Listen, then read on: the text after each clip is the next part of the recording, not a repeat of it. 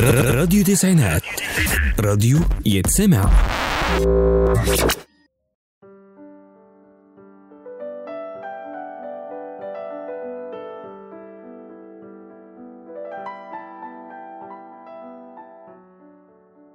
أنا شيماء محمود.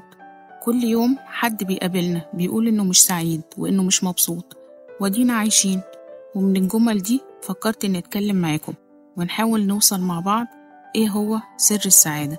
في برنامجكم سر الحياة السعيدة على راديو تسعينات. وأول سر من أسرارنا في الحياة السعيدة هو الرضا. والرضا كلمة كبيرة وواسعة وليها معاني كتير. بس أهم معنى ليها هو أنا نقبل حياتنا زي ما هي بالحلو والمر اللي فيها. نحاول دايما نعدي من كل مشكلة بتقابلنا. وإحنا مقتنعين إن كل شيء بيعدي مهما كان صعب. لكن بيعدي وإحنا راضيين وقابلين. وأهم حاجة وهو بيعدي تكون دايما الابتسامة موجودة اللي بتخلينا نقبل أي حاجة مهما كانت صعبة.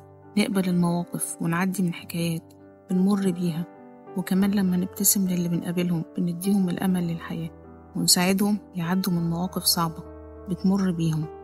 وكده وصلنا لنهاية حلقتنا وإن شاء الله استنوني في الحلقة الجاية من برنامجكم سر الحياة السعيدة.